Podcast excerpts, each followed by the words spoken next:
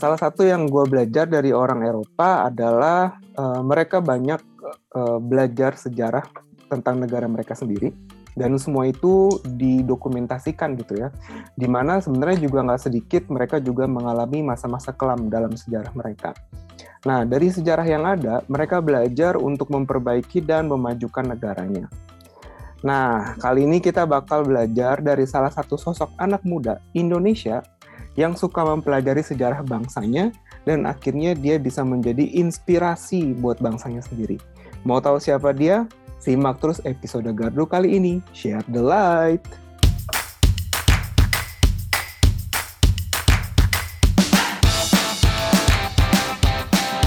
Oke okay, guys, oke okay, um, FYI nih ya, harusnya sebenarnya ini jatahnya Robert ya Be ya, yang jadi host gitu. Cuman karena ini kesalahan yang nulis skrip akhirnya jadi gue hostnya. Sorry ya. Nah tapi by the way uh, dua hari lagi kita akan memperingati hari Sumpah Pemuda ya tanggal 28 Oktober nanti. Dan kalau dipikir-pikir anak muda yang terlibat dalam peristiwa itu mungkin kalau bisa dibilang bahasa sekarang itu adalah uh, influencer gitu ya dan lu bayangin aja gitu, tanpa ada teknologi yang keren kayak sekarang, yang nggak ada TikTok, nggak ada Instagram, nggak ada smartphone, mereka bisa jadi influencer dan mempengaruhi kemajuan bangsa Indonesia. Gitu. Untuk itu di sini gue Yuda, gue akan menemani, akan ditemani bukan menemani, ya menemani dan ditemani uh, Bang Patar nih, ada Bang Alvin Patar dan Koko Robert. Ya, halo Be, halo Patar. Halo. Halo, halo. Oke. Halo, Bang Yuda. Halo. Asik Bang Yuda. Sehat-sehat ya, semua pastinya ya. Puji Tuhan. Hmm. Baik, puji Tuhan sehat semua. Lu gimana? Puji Tuhan juga sehat. Uh, ya, sehat. uh, um, terus gimana kerjaan? Gimana lancar-lancar semua di masa-masa pandemi sekarang ini? Dari kalian berdua, puji, puji Tuhan lah, Yud ya lancar ya. semoga covid uh, cepat menghilang. Hmm. amin. Dunia ini. Betul betul betul. Yang supaya memudahkan semua ya bisa betul, betul. kerja kerjanya tuh nggak terbatas ya gitu ya. Maksudnya kita Mobil, bisa mobilitas iya. kemudian hmm. semua. Iya benar. Ya oke okay nih. Cuman kali ini kita akan uh, mungkin kita nggak perlu ngomongin dalam-dalam tentang COVID ya karena sudah cukup traumatis gitu ya. ya buat banyak orang. Nah eh, kali ini kita akan ngomongin uh, Sumpah Pemuda nih dalam rangka Hari Sumpah Pemuda 28 Oktober nanti. Nah uh, cuman gue mau tahu nih menurut lo pribadi sejauh ini sejauh ini kan lo pasti di sekolah dulu kan di kampus juga pasti sering dengar tentang Sumpah Pemuda gitu ya. Menurut lo pribadi masing-masing uh, apa sih arti Sumpah Pemuda itu buat lo dan uh, hal apa yang bisa lo petik dari peristiwa Sumpah Pemuda? Mungkin dari siapa nih yang mau dari Robert boleh dari Robert dulu? Iya, jadi cepet ya udah mau Oktober ya Yud ya. Hmm. udah, udah mau akhir tahun lagi. Udah mau, oh, udah mau November. Mm -hmm. Iya. Oktober udah mau habis, udah mau November, jadi ngebahas hmm. tentang Sumpah Pemuda. Menurut gua sih Sumpah Pemuda ini uh, artinya sih cukup dalam ya mm-hmm. gua. Jadi Sumpah Pemuda itu adalah suatu momen di mana pada saat itu anak-anak muda nih, anak-anak muda Indonesia zaman itu itu kan mereka dari berbagai kalangan kan ya. Kalau kita baca sejarah, belajar sejarah gitu, hmm. berbagai kalangan, kemudian lintas suku, lintas agama, itu kayaknya mereka menyadari tuh Yud, bahwa keadaan bangsa Indonesia itu nggak baik-baik aja pada saat itu. Jadi hmm. mereka tuh ada di dalam penjajahan bangsa Indonesia tuh ada di dalam Betul. belenggu lah istilahnya gitu. Nah, hmm. dan yang bagusnya itu adalah pada saat itu ternyata mereka nggak tinggal diam tuh anak-anak muda pada saat itu. Mereka uh, berkumpul kemudian menyatukan visi bahwa bangsa Indonesia itu memang apa ya harus menjadi satu gitu loh dan mereka tuh harus keluar dari penjajahan gitu dan hmm. dan yang luar biasanya lagi itu mereka melakukan yang namanya sumpah kan namanya sumpah pemuda kan. hmm. kan artinya kalau sumpah hmm. itu kan uh, harus dilakukan kan nah hmm. mungkin uh, dari gue sih mungkin gitu ya tentang uh, arti atau makna dari sumpah pemuda gitu. Hmm, jadi meskipun dijajah gitu ya tertekan gitu ya mereka masih bisa berpikir apa punya visinya gede gitu ya. Iya, jadi karena kondisinya pada saat itu eh, nggak uh, baik-baik aja gitu loh. Benar. Nggak baik-baik aja, tapi mereka bukannya malah pasrah sama keadaan, tapi ayo yuk kita sama-sama yuk bareng-bareng gitu kita satuin visi gitu loh. Bahwa Indonesia tuh harus jadi satu lah, gitu. jangan beda-beda. Gitu. Hmm, iya. Yeah. Nggak kebayang ya zaman dulu tuh ya. Wah. Betul, betul, betul. Tuh. Oke, kalau e, menurut tuh gimana, Patar? Ya, kalau saya sih hampir mirip ya sama Koropet. Uh, cuman yang lebih saya tangkap dari Sumpah Pemuda itu para pemuda dulu tuh berani banget, benar tadi kata Robert. Ya. Hmm. Di saat lagi zaman perang, mereka berani untuk bersatu gitu kan. Yang notabene hmm. pasti ada uh, dari penjajah kan yang untuk pasti yang ngalang-ngalangin juga gitu kan. Terus uh, itu aja sih. Dan kalau buat saya yang berkesan itu ternyata lagu Indonesia Raya pertama kali tuh. Saat di hmm. satu event di mana Sumpah Pemuda dibuat. Itu Kongres wow. Muda dua ya kan nah itu oh. yang berkesan. Buat saya hmm benar benar.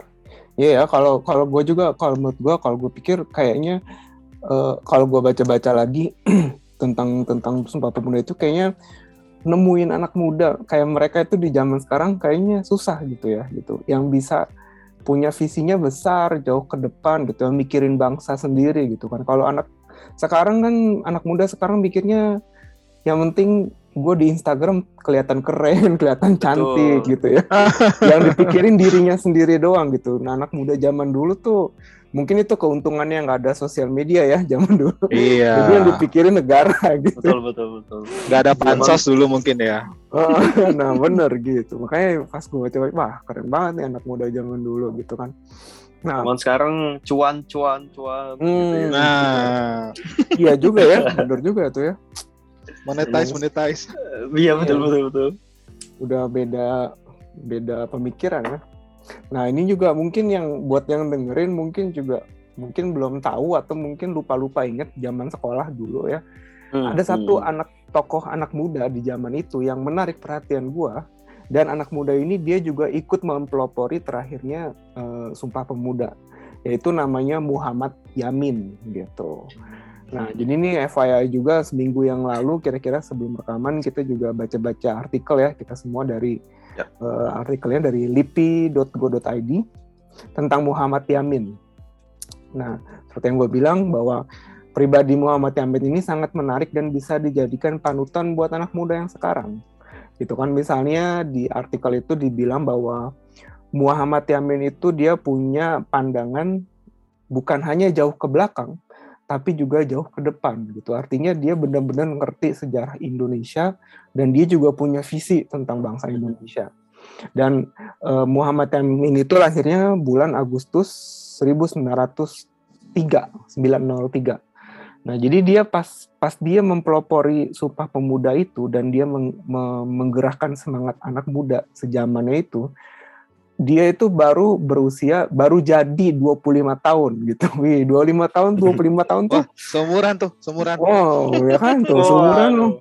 Seumuran seumuran si Patar dia udah bisa Mantap. menggerakkan anak muda satu Indonesia gitu kan. Waduh. Wah, dan keren keren keren. Keren ya dan usia dan usia segitu dia sudah bisa memik bisa di, bisa memikirkan untuk pemerintahan ya bentuk pemerintahan apa yang cocok untuk negara Indonesia. Weh. Jadi dia memikirkan bahwa bentuk pemerintahan yang cocok untuk negara Indonesia adalah kesatuan begitu menurut di artikel itu gitu. Nah, itu menurut gue sangat sangat menginspirasi banget ya usia Patar udah bisa ngomong tentang negaranya sendiri itu. Tar. Aduh, bedon saya ngedon. Nggak, ini tidak bermaksud tidak bermaksud menjatuhkan nih Tar ya. tenang, tenang, tenang. Nah, cuman by the way nih kalau uh, lu berdua kan juga baca-baca sedikit nih tentang Muhammad Yamin. Iya, iya. Dari Muhammad Yamin ini uh, dari artikel Muhammad Yamin ini apa yang menginspirasi lu berdua? Karena dari Patar deh. Boleh, boleh. Kalau kalau kesannya sih uh, termasuk orang yang hebat ya kayak. Ya. Hmm. Saya baca-baca juga dia 16 bersaudara kalau nggak salah. Yes. Tuh, itu itu keluarga besar banget. Banyak banget ya. Dan banyak ternyata, ya. Iya. Walaupun Yusuf memang aja cuma banyak. 12 ya. Yusuf aja cuma 12 bersaudara. Iya, tapi itu kan banyak maknya gitu kan. Oh iya. Intinya Oh. dia dia keluarga besar lah, tapi keluarga besar itu mereka rata-rata memang jadi orangnya gitu. Hmm. Orang-orang pinter semua. Hmm. Kalau saya sebutin banyak lah gitu. Hmm. Terus saya juga kesan sama dia ternyata eh, sedikit saya baca pas SMA tuh ya, pas SMA yang tadi dibilang dia udah belajar banyak bahasa kayak bahasa Yunani, bahasa Latin dan suka banget sama sejarah tuh. Itu Hmm. baru masih SMA loh. Kayaknya emang emang udah jenius atau emang gimana? Hmm, iya, ini ya. orang pinter ya. Iya emang pintar banget sih. Kalau dari eh, sejarahnya juga, terus penulis puisi juga tuh. Hmm, betul. Banyak nulis Dan puisi, puisinya- banyak nulis buku juga dia ya. Mm-mm. Betul. Dan katanya sih ngambilnya dari dari Belanda lah. Saya nggak nggak nggak terlalu ngerti. Tapi dia yang keren lah Muhammad Yamin itu. Hmm, betul. Dia kalau nggak salah ada ada titel bahasa Belandanya juga gitu. Nih, sebentar gue Google Oh. sebentarnya. Ini titelnya dia tuh komplitnya a profesor MR. Nah, MR-nya itu bukan Mister ya. Bukan Mister. Jadi Profesor MR Muhammad Yamin SH. Jadi dia sejarah sarjana hukum. Nah, cuman MR-nya ini adalah singkatan dari ini bahasa Belanda ya. Gua nggak tahu bacanya bener nggak. Meester in the Rechten. Jadi Meester in the Rechten tuh seperti magister dalam ilmu hukum. Ini Meester Oh. bahasa Belanda gitu. Walaupun dia sebenarnya lulusan Indonesia, dia dulu kalau baca di Wikipedia dia dulu pernah pengen belajar lanjutin ke Belanda, cuman karena ayahnya meninggal kalau nggak salah, jadi dia Iya iya. lanjutin. Oh. kayak gitu. Jadi emang pinter banget nih Muhammad Yamin ini. Nah, by the way, kalau Robert Iya, iya, gimana, iya. Bet? Apa Iya, yang? Eh, jujur gue sih eh, awal-awal kan agak lupa ya sama tokoh ini tapi pas gue Hmm. baca-baca wah ternyata nih tokoh ini yang menjadi eh, sentral ya menjadi yang utama nih pada saat eh, Sumpah Pemuda gitu jadi Hmm. gue baca-baca mengenai artikelnya segala macam gue sih nggak habis pikir ya hebat sih dia ya karena gimana bisa anak muda punya semangat juang punya visi ke depannya itu luar biasa banget loh Iya. buat negaranya sendiri gitu kan. Kalau karena kalau- kita lihat pada zaman itu ya tadi Indonesia itu eh, apa ya dalam keadaan yang nggak nggak enak, nggak baik, nggak baik Hmm. banget gitu. Betul. Dan Iya. mungkin juga pada saat itu dia juga nggak punya banyak privilege kali ya, nggak mu- nggak punya Hmm. banyak apa sih istilahnya ya nggak punya banyak eh, kemudahan Iya. kayak zaman betul. sekarang gitu loh. Betul, betul. Nah, Dan Hmm. satu hal lagi eh, yang gue sadarin bahwa ternyata dari zaman dahulu itu anak muda eh, sangat bisa dan punya potensi buat jadi inspirasi ya. Hmm. Gitu. Betul. Jadi bukan cuma hanya zaman sekarang, dari zaman dulu yang menjadi salah satu apa ya penggerak itu ya salah satunya anak muda sih yang Hmm. bisa merubah bangsa Ya. lah ibaratnya gitu. Betul. Benar. Tuh, jadi kalau kalau gue tarik dari dari dari yang lu omongin deh, sebenarnya bener juga ya, kita bisa aplikasiin ke zaman sekarang ya, bahwa zaman sekarang orang Iya. juga apa apa terbatas gitu ya. Mungkin Betul. zaman dulu bahkan lebih parah gitu ya, semuanya dikontrol sama penjajah gitu ya. Kalau kita di Iya, sini iya. mungkin Iya, karena benar. peraturan ini itu, cuman mereka tetap eh, bisa bisa punya apa ya, dampak yang besar gitu ya. Nah, Iya. Berarti sekarang eh, kalau menurut berdu menurut lo berdua nih, kalau kita terapkan lagi ke zaman modern kayak sekarang, gimana Hmm. eh, gimana anak muda itu bisa menjadi inspirasi untuk bangsa sendiri, gitu? Hmm. Atau mungkin untuk lingkungan teman-teman sendiri dulu kali ya, atau untuk generasi penerus kita gitu. Nah, em, gimana anak muda bisa menginspirasi dan apakah untuk menginspirasi itu kita harus selalu berprestasi? Nah, ini pertanyaannya berat nih. gitu. Mungkin siapa yang mau jawab, Robert? Korobet dulu mungkin. Ini Mana sus- ya? Yang susah Robert nih. Iya. Kan lu jawab juga. iya, iya. gimana ya? Eh mungkin eh, menurut gue sih nggak harus berprestasi, Yud. tapi dengan kita berprestasi itu kan orang lain akan ngelihat kita kan, gitu kan. Hmm. Jadi kalau eh, kita dilihat dengan segala kebaikan kita, dengan segala apa prestasi kita, tentunya kita akan lebih mudah untuk jadi inspirasi gitu. Tapi mungkin Hmm. nggak nggak harus berprestasi dalam hal yang wah banget kali ya gitu kemudian juga tuh jadi inspirasi ya tentunya kita harus mulai dari kecil dulu kali ya harus dari Betul. keluarga dari sektor teman-teman area teman-teman gitu jadi nggak bisa langsung kuliah nggak bisa langsung uh, di negara gitu. Nah ini sih menurut pendapat gue nih Yud, hmm. ya, yang gue lihat dalam kehidupan gue sehari-hari gitu. Jadi buat kita untuk jadi inspirasi itu ada dua menurut gue. Hmm. Nah yang pertama itu hmm. supaya kita jadi inspirasi itu kita uh, bisa melakukan sesuatu hal tapi dengan yang berbeda gitu. Setuju nggak? Hmm. Jadi misalnya melakukan satu hal yang berbeda, bedanya gimana? Uh, bisa melawan arus, hmm. bisa hmm. pokoknya berbeda sama halayak umum lah, itu sehingga apa yang dia lakukan itu karena beda, maka itu bisa menjadi uh, menarik menarik perhatian orang gitu. Hmm. Dan ketika apa yang dihasilkannya itu baik, kemudian hmm. yang dihasilkan itu bagus, tentunya itu bisa jadi inspirasi bagi orang banyak. Hmm, gitu. Bedanya yang penting harus nah, positif ya, jangan negatif. Ya. Betul. Ya. Adik gue nggak ngerokok nih, gue harus ngerokok, jangan gitu.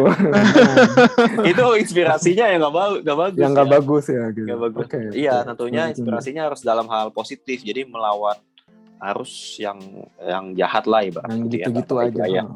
Hmm. Nah kemudian yang kedua itu kita bisa juga menginspirasi dengan cara ya kita melakukan seperti yang kebanyakan orang lain lakukan gitu.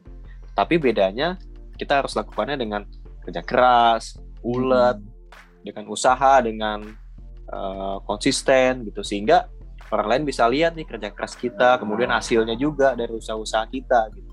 Hmm. Mungkin contohnya kayak uh, olahragawan kali ya, atlet hmm. kan mereka kan uh, latihan ya. konsisten yeah. setiap hari buat dapat tubuh yang bagus kan. Gitu. Hmm. Jadi yang dilakukan ya sama, latihan, latihan gitu pemain bola ya harus latihan tapi dengan kerja keras nggak bosen-bosen konsisten maka uh, hasilnya kan tidak akan mengecewakan. Berarti gitulah.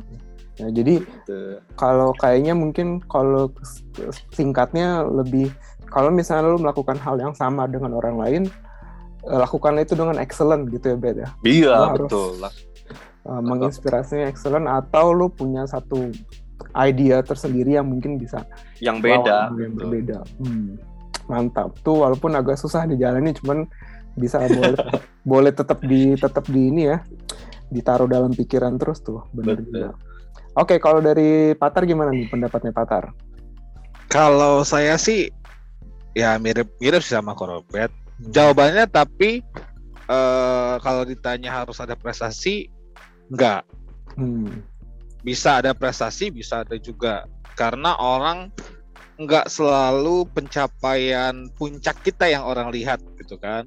Mhm, Kadang-kadang hmm, orang juga melihat perjuangan kita. Misalkan ya benar tadi kita yeah, ambil yeah. contoh dari atlet gitu kan.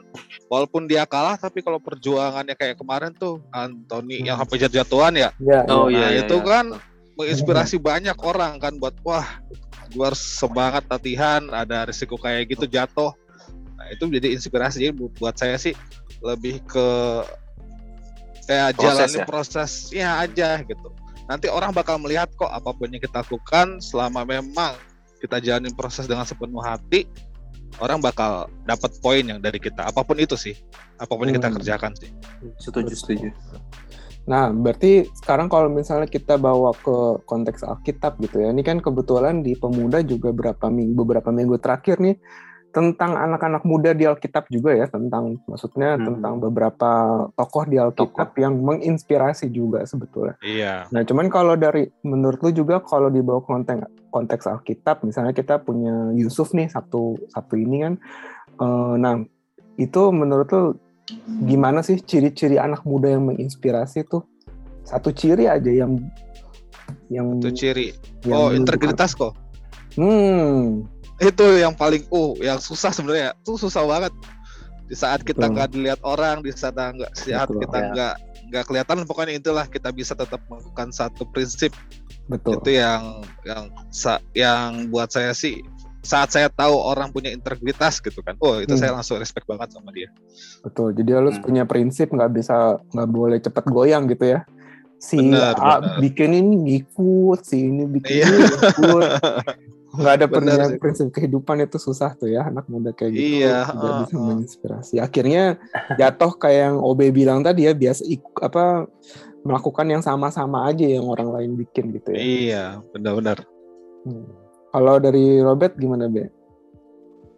Ya jadi kalau dari tokoh-tokoh Alkitab itu mungkin yang pertama uh, mereka itu berani beda ya gitu ya. Hmm. Jadi berani beda, jadi diri sendiri nggak ikut ikutan. Betul. Jadi, jadi dalam hal ini uh, mereka dan mereka ikut dan tetap berpegang sama Tuhan.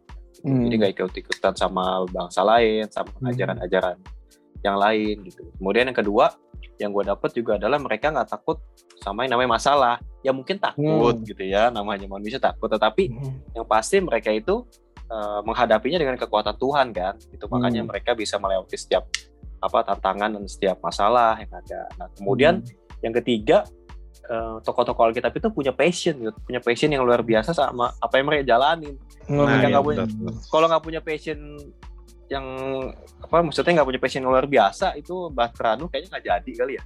Oh iya benar kayaknya kalau gitu. kalau Nuh nggak suka aduh gua nggak suka nih maku maku nih. Iya. Gaji gaji nggak suka aku. Nggak jadi Yosua nggak nggak berhasil tuh masuk ke hmm. tanah perjanjian gitu betul betul, hmm, betul. kayaknya sih itu sih kalau menurut lo gimana Jut? sebenarnya gue sih udah kejawab semua ya sama jawaban nomor dua yang uh, mungkin gue simpulin lagi tadi integritas jadi kita kalau ya. kalau menurut Alkitab ciri-ciri anak muda menginspirasi integritas ya tadi hmm. ya kita harus punya prinsip meskipun orang nggak lihat kita tetap harus punya prinsip apalagi kalau urusannya uang gitu ya biasanya itu paling susah tuh ya maksudnya kadang-kadang ya gue kasih contoh aja misalnya kadang-kadang kan bos itu suka nggak tahu tergantung bosnya ya. Cuman kadang-kadang kalau itu kadang suka salah nulis angka gitu ya transfer uang salah nulis angka atau gimana. Nah gitu kita harus jujur gitu ya jangan kalau kebanyak kalau kedikitan kita protes kebanyakan kita diem aja gitu kan. Kita sikat. ya kita sikat duitnya gitu kan. Kita harus punya integritas gue mau jujur uh, sebagai anak Tuhan misalnya itu sebagai contoh. Nah terus yang kedua tadi lu bilang apa takut akan Tuhan ya be ya kira-kira. Takut iya. akan Tuhan menurut gue itu penting banget itu udah udah pasti nomor satu juga. Terus yang ketiga uh, menurut gue keren tuh poin lu apa uh, tidak takut masalah ya. Wah itu mantep banget. Ini sama kayak Muhammad Yamin ya dia hmm. tidak takut tekanan nggak takut masalah. Dan bahkan kalau misalnya kayaknya kalau misalnya kita lihat influencer-influencer juga pasti mereka menghadapi yang namanya haters haters gitu kan. Ya, dalam ya, pertama-tamanya tuh kalau postingan awal-awal kan biasanya pasti mereka banyak haters terus um, dihujat ya. ya dihujat. Cuman dia tetap melakukan itu dan akhirnya dia bisa menjadi sosok satu influencer gitu kan. Terus yang terakhir apa tadi bi? Uh, passion. passion. Nah ya itu mungkin karena dari passionnya itu akhirnya mereka terus ngikutin passionnya dan karena mereka berintegritas akhirnya mereka nggak mudah dipengaruhin gitu ya sama oh, iya. mantap Oke, nah kita balik lagi sedikit ke peristiwa Sumpah Pemuda. Nah, jadi Sumpah Pemuda, janji Sumpah Pemuda yang kita kenal itu sebetulnya adalah uh, rumusan hasil akhir dari tiga kongres pemuda yang dilaksanakan tanggal 27 sampai 28 Oktober 1928 ya dan itu dipelopori sama mahasiswa-mahasiswa Indonesia zaman itu. Nah, yaitu isinya coba Patar tolong bacain yang poin yang pertama isinya apa tuh Sumpah Pemuda? Kami, putra dan putri Indonesia, mengaku bertumpah darah yang satu tanah Indonesia. Yes, yang kedua Robert. Kami, putra dan putri Indonesia, mengaku berbangsa yang satu, bangsa Indonesia. Hmm, yang ketiga, kami putra dan putri Indonesia menjunjung bahasa persatuan bahasa Indonesia. Nah ini eh, keren sebenarnya kalau direnungkan ya tiga poinnya dan kalau kita Betul. baca eh, kalau kita baca sejarahnya lagi Kongres Pemuda itu eh, itu dihadiri sama perwakilan anak muda dari berbagai macam suku ya yaitu benar, yang benar. disebut ya kan hmm. disebut Jong Java, Jong Sumatera, ah, iya, Jong, Jong. Jong Batak, Jong Ambon. Kalau lu Jong apa B? Wong nggak wong. Wong apa? Bukan cuma su bukan cuma suku ya, tapi juga agama juga ya. Ya ada persatuan juga. Muslim, persatuan uh, Katolik. Ya, betul, uh. betul, betul. Nah jadi kalau gue lihat meskipun mereka punya latar belakang yang beda, mereka juga pasti punya kebudayaan yang berbeda dan bahkan kebiasaan yang berbeda gitu ya. Mungkin uh, tingkah laku yang berbeda juga gitu, tapi mereka Eh, bisa tetap berkumpul dan mereka punya pemikiran dan punya satu visi yang besar untuk kesatuan bangsa Indonesia gitu. Nah buat gue akhirnya wah itu menginspirasi banget gitu karena kalau dilihat betapa sangat anak muda zaman sekarang itu sangat individualistis gitu ya, sangat mentingin diri sendiri aja gitu. Kalau zaman dulu mereka benar-benar bersatu dan menurut iya. kita anak muda zaman sekarang harus bisa mencontoh itu semua gitu. Nah, uh, ya kalau gitu kita tutup aja nih. Mungkin OB boleh kasih kesimpulan lagi, Be, biar bagi-bagi. Ya, boleh. Jadi kesimpulan hmm? yang gue ambil nih setelah uh, eh, gue baca-baca mempelajari tentang Sumpah Pemuda sama setelah habis kita ngobrol nih, Jadi hmm. anak muda yang terlibat pada zaman itu, itu tuh mereka sangat memanfaatkan secara maksimal semua pengetahuan yang mereka punya gitu ya yang gue yakin ya pengetahuan mereka pada saat itu juga masih terbatas kan ya? Hmm, belum iya, ada internet zaman dahulu belum ada kuota belum ada iya, teknologi iya, belum ada Google belum ada kendaraan yang mungkin uh, mumpuni yang enak gitulah ya. Belum ada gitu. Wikipedia. Belum ada nah, Wikipedia. belum ada sistem copy paste copy paste gitu kan? Iya iya. Tapi yang kita bisa pelajaran adalah mereka tuh ya tadi visi mereka tuh luar biasa hmm. visi mereka besar niatnya juga kuat gitu ya hmm, cuman betul. cuman ada visi tapi nggak ada niat juga nggak ini nggak nggak jalan juga kan yeah. bahkan uh, kayak Muhammad Yamin ini awal-awal juga idenya juga banyak ditentang kan banyak gitu. tetapi ya. betul tapi dia tetap gigih tetap uh, fokus sama visinya dan dia ngelakuin itu bukan buat siapa-siapa loh buat Indonesia buat negara hmm, gitu. gitu. Jadi levelnya tuh level country gitu, level negara Wes, nation gitu kan. Iya ya, besar ya. Iya, besar yeah, banget. Jadi bukan banget. cuman gimana gua bisa survive misalnya, gimana gua bisa mendapatkan uang, tapi enggak, tapi dia memikirkan sebuah uh, apa namanya ya negara yang besar gitu, hmm. Indonesia gitu sih mantul banget. Iya. Salut, salut emang. Benar-benar. Terus poin berikutnya kalau saya tambahin juga uh, pemikiran kita tuh mesti maju gitu. Bukan cuma bukan buat kita sendiri. Jadi nggak boleh individualistis sih sebenarnya. Hmm. Kalau saya lihat dari Muhammad Yamin juga, pasti dia kan korbanin banyak tuh waktunya, hmm. terus keluarganya juga pasti dia korbanin. Hmm. Nah, tapi juga bisa memicu perkembangan orang lain kan. Jadi melihat dianya semangat, dia benar gigi, pasti ada pengikutnya sih Muhammad Imin. Saya yakin pasti ada yang mendukung dia. Ya, betul. Makanya ya, betul. dari ide-ide dia itu sebenarnya kalau dibaca jadi uh, Pancasila sebenarnya. Hmm, dari iya, ide dia betul, betul. Muhammad Yamin itu. Hmm. Cuman mungkin diputar-putar aja ya kali. Ya, di, iya, betul. Nah, terus kalau kita udah gigi, kita bisa uh, bisa jadi inspirasi orang lain pasti deh. Hmm. Meskipun awalnya dampaknya cuman kecil di rapat uh, rapat kecil itu terus dikoreksi hmm. atau apa-apa. Ya betul. Tapi betul. kita ya, tapi kita nggak boleh nyerah. Dia harus gigih sih. Hmm, yang kayak Obe bilang tadi ya nggak boleh nggak boleh takut sama masalah ya sama problem. Iya. Mantap. Nah untuk itu gue juga ketemu satu ayat bagus banget dari Ibrani 10 ayat 24 ya yang dibilang marilah kita saling memperhatikan supaya kita saling mendorong dalam kasih dan dalam pekerjaan baik. Nah, jadi kalau menurut gue Alkitab ini juga mau bahwa kita juga bisa menginspirasi orang lain untuk melakukan pekerjaan baik gitu. Yaitu tentu saja kalau menurut uh, firman Tuhan pasti juga melakukan pekerjaan baik ini juga yaitu dalam melakukan firman Tuhan gitu kan.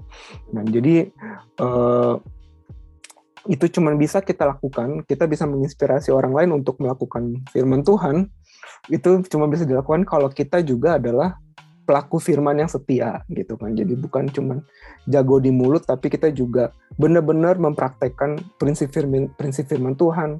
Firman Tuhan bilang A, kita turut, firman Tuhan bilang B, kita turut gitu kan dan kita punya integritas itu meskipun orang lain gak lihat, kita tetap melakukan firman Tuhan itu untuk Tuhan gitu kan. Nah, gitu sekian dari gua kalau ada tambahan gak dari Robert sama Patar Mungkin ada Cukup. dikit sih. Boleh boleh. Kalau saya, hmm. kalau saya keinget yang kalau masalah anak muda nih, pokoknya kalau kita ingat yang satu Timotius 4:12 aja. Mm-hmm. Hmm. Yeah, jangan yeah. pokoknya anak muda tuh jangan pernah menganggap rendah gitu. Rendah, kita punya ya. uh, kita punya banyak sudah dikasih modal sama Tuhan. Kita bisa jadi teladan gitu buat orang-orang hmm. percaya Dalam perkataanmu, dalam tingkah lakumu, dalam kasihmu, dalam kesetiaanmu dan dalam kesucianmu. Amin. Itu paket lengkap itu. Di 1 Timotius 4 ayat 12. Benar-benar. Cakep, cakep, cakep. Setuju, setuju. Dari Robert? Gue cukup, Yud. Oke, cukup. Oke, kalau gitu hmm. terima kasih buat Patar, buat Robert untuk waktunya, untuk kesediaannya. Iya, sama-sama. bincang-bincangnya dan semoga perbincangan kita kali ini bisa menginspirasi yang dengerin, oke? Okay? Amin. Okay. jadi milikilah sisi yang besar dan jadi anak muda yang menginspirasi. Tuhan Yesus memberkati. Bye bye. Bye bye. bye.